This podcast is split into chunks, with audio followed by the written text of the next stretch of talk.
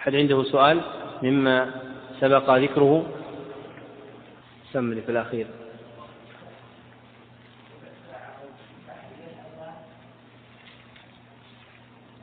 نعم ربع ساعة أو ثلث ساعة إلى الأذان لأن الأذان إعلام بانتهاء وقت السحر ودخول فجر الوقت ودخول وقت الفجر الصادق.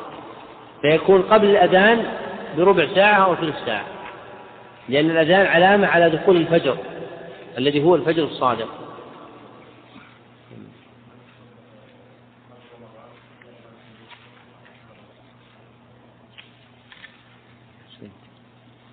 يقول هذا السائل مما يندرج في مسائل الصدقة في رمضان. من تصدق قبل رمضان لأجل أعمال الخير في رمضان هل يكون هل تكون صدقته واقعة في رمضان أم تكون أم تكون غير واقعة في رمضان؟ كما لو دعي الناس غدا في صلاة الجمعة إلى أن يتصدقوا لأجل تفطير الصائم مثلا. فهل تكون صدقتهم من جملة الصدقة في رمضان أم لا؟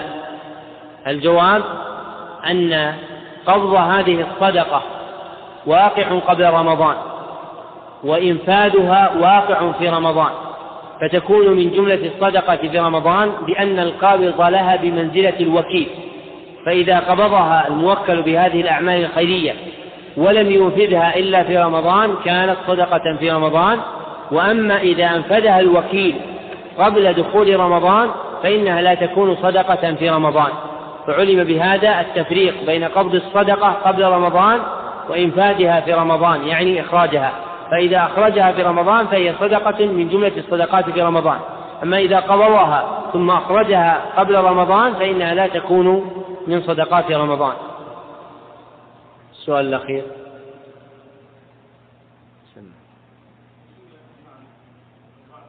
أولا المراد به في حديث لقيط رضي الله عنه هو المبالغة في الاستنشاق لأن النبي صلى الله عليه وسلم قال وبالغ في الاستنشاق إلا أن تكون صائما. ولما كان أصل الفعل مأذونا به في الشرع دل على أنه لا يمكن الزائد عن هذا الأصل محرما في الشرع وإنما قصار أمره أن يكون مكروها. لأن أصل الفعل مأذون به في الشرع وهو الاستنشاق. فما زاد عن هذا القدر المأذون به فإنه لا يصح القول بأنه محرم لأنه لا يمكن ضبطه وتعيينه بقدر وإنما يقال فيه إنه مكروه لينزجر العبد عنه ويكف ويكف. وهذا آخر الأسئلة الثلاثة والله أعلم وصلى الله وسلم على عبده ورسوله محمد وآله وصحبه أجمعين. يقول هذا السائل قلتم إن الأحاديث التي جاءت في غفر له ما تقدم من ذنبه وما تأخر. ضعيفة لا تصح. هناك جملة مقدرة. من المعنى ضعيفة لا تصح. وفي ليلة عرفة يكفر لصائمه سنة قادمة. فكيف يجمع بين ذلك؟ قد ذكرنا هذا فما الجواب؟ سم. أحسنت نقول لأن الأحاديث التي ورد فيها وما تأخر يلزم منها أن تغفر له ذنبه الذي تأخر كله حتى يموت. وأما صيام يوم عرفة فإنه أجره أن يكفر ذنوب سنة واحدة. وفرق بين المسألتين.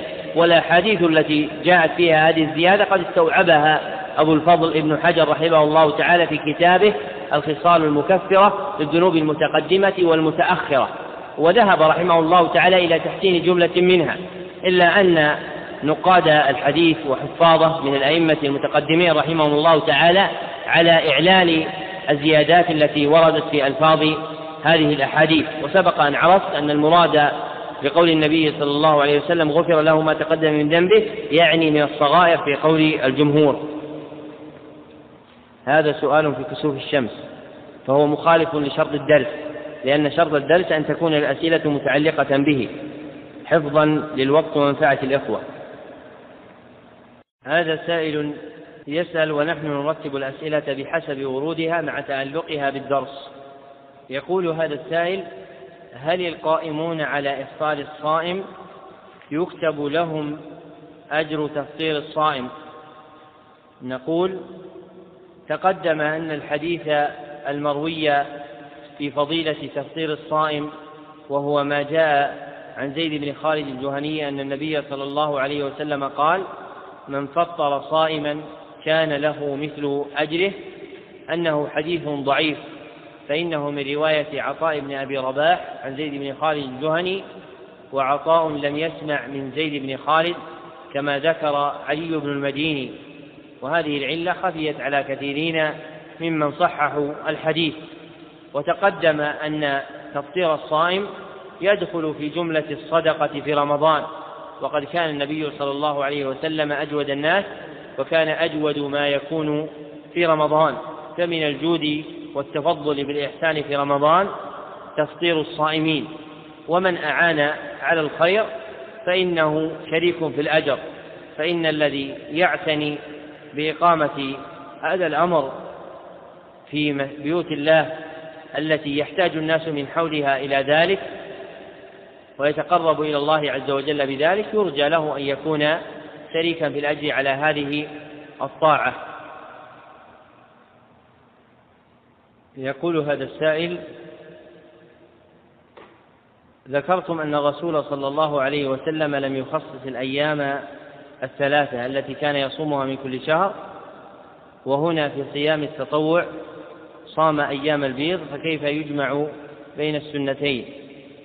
نقول ليس في شيء من الأحاديث الثابتة أن النبي صلى الله عليه وسلم صام أيام البيض وإنما أرشد النبي صلى الله عليه وسلم إلى ذلك بقوله أما فعله صلى الله عليه وسلم فلم يثبت حديث في تعيين الأيام التي كان يصومها النبي صلى الله عليه وسلم من الشهر وقد ذكرت فيها عدة أحاديث وقد بلغ الأقوال فيها أبو الفرج بن رجب إلى ستة أقوال في لطائف المعارف لا يصح على قول منها دليل بل الصحيح ما قالت عائشة لم يكن يبالي من أي الشهر صام. وأما غير النبي صلى الله عليه وسلم فإن الأخذ بما أرشد إليه النبي صلى الله عليه وسلم من قوله من تفضيل صيام أيام البيض على غيرها أولى اتباعا للسنة القولية. كما كان النبي صلى الله عليه وسلم يفعل هذا في صيام شعبان حيث كان يصوم النبي صلى الله عليه وسلم أكثره مع قوله أفضل الصيام بعد شهر رمضان صيام الله المحرم. يقول هذا السائل وهو السؤال الثالث والأخير. ذكرت أن الصحابة كانوا يقضون صيام رمضان وتقدم في بعض المجالس التنبيه على أنه لا ينبغي أن يخاطب المعلم بمثل هذه الألفاظ. ذكرت وقلت وأخبرت لأن في ذلك جعله بمنع عن الطالب بل ينبغي لا يفصل الطالب بينه وبين معلمه بمثل هذه الحدود التي تقع على اللسان. وقد نبه على هذا جماعة منهم الشيخ بكر أبو زيد في كتابه حلية طالب العلم أن الصحابة كانوا يقضون صيام رمضان في عشر الحجة فهل معنى ذلك أنهم رضي الله عنهم لا يصومون ستة أيام ستة أيام من شوال؟ أم هل يجوز أن يصوم الإنسان تطوعا وعليه قضاء رمضان؟ الجواب أصل القول في المسألة أن للعبد أن يصوم تطوعا وعليه قضاء من رمضان إلا التطوع بصيام ست من شوال. فإن التطوع بصيام الست من شوال مشروط بتكميل صيام رمضان لقوله صلى الله عليه وسلم من صام رمضان ثم أتبعه ست من شوال فمن أراد أن يصوم الست من شوال فإنه يستكمل صيام شهر رمضان. أما ما عداه من صيام التطوع فإن العبد له على الصحيح أن يتطوع ولو عليه قضاء من رمضان. كأن يتطوع الإنسان بصيام يوم عرفة أو صيام يوم تاسعاء وعاشوراء ولو كان عليه قضاء من رمضان. والاحتمال الذي يتطرق من فعل الصحابة لا يلتفت إليه فإننا مأمورون بتتبع الأدلة الواضحة الجلية. أما الصحابة رضي الله عنهم فقد يكونون معذورين في فعلهم لو ثبت هذا الاحتمال مع كون صيام يوم شوال صيام الست من شوال لم تكن من سنن أهل المدينة. التي كان فيها أكثر الصحابة ولذلك أنكره الإمام مالك رحمه الله تعالى ولكن ثبت فيه حديث أبي أيوب الأنصاري ومعلوم أن أبا أيوب رضي الله عنه من الصحابة الآفاقيين يعني الذين خرجوا من المدينة ولذلك حفظت هذه السنة عن غير أهل المدينة. وحداق المالكية كالقاضي عياض اليحصبي يذهبون إلى استحباب صيام هذه الست اتباعا للحديث ومخالفة لما عليه مذهب لما عليه مذهب الإمام, الإمام مالك رحمه الله تعالى وهذا آخر الأسئلة الثلاثة التي اعتدنا طرحها بعد كل جلسة من جلسات هذه الدروس. وقبل أن نختم هذا المجلس أنبه على أمور. أحدها ستكون إن شاء الله تعالى هناك يوم غد كلمة في ضمن برنامج المواعظ الحسان. بعنوان لقد أظلكم شهر رمضان في هذا المسجد بعد صلاة العشاء والتنبيه الثاني جرت العادة بأننا نجري اختبارا بعد الانتهاء من إقراء كل كتاب وسيكون اختبار هذا الكتاب إن شاء الله تعالى في الجمعة المقبلة التي تكون نظيرة لجمعة يوم غد. فالجمعة المستقبلة من الأسبوع القادم بعد صلاة العصر يكون إن شاء الله تعالى اختبار هذا الدرس. والتنبيه الثالث هو أن العادة ستجري إن شاء الله تعالى على أن كل اختبار ينال الحائز على أعلى درجة فيه جائزة. ثم تجمع درجات المشاركين في الاختبار ويكون المجموع النهائي بعد انتهاء دروس كل سنة. وقد قدم عدد من الإخوة جزاهم الله خيرا اختبار الكتاب السابق وهو شرح ثلاثة الأصول. وكان الأخ الذي حاز أعلى درجة فيه والأخ محمد الحبردي. فإنه حاز تسعا وأربعين درجة من خمسين درجة.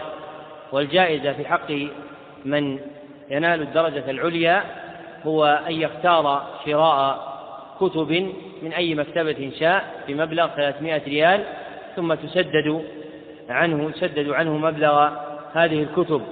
فكيفما شاء شراءه من الكتب من أي مكتبة شاء يشتريه بهذا المبلغ ثم يسدد هذا المبلغ إلى المكتبة.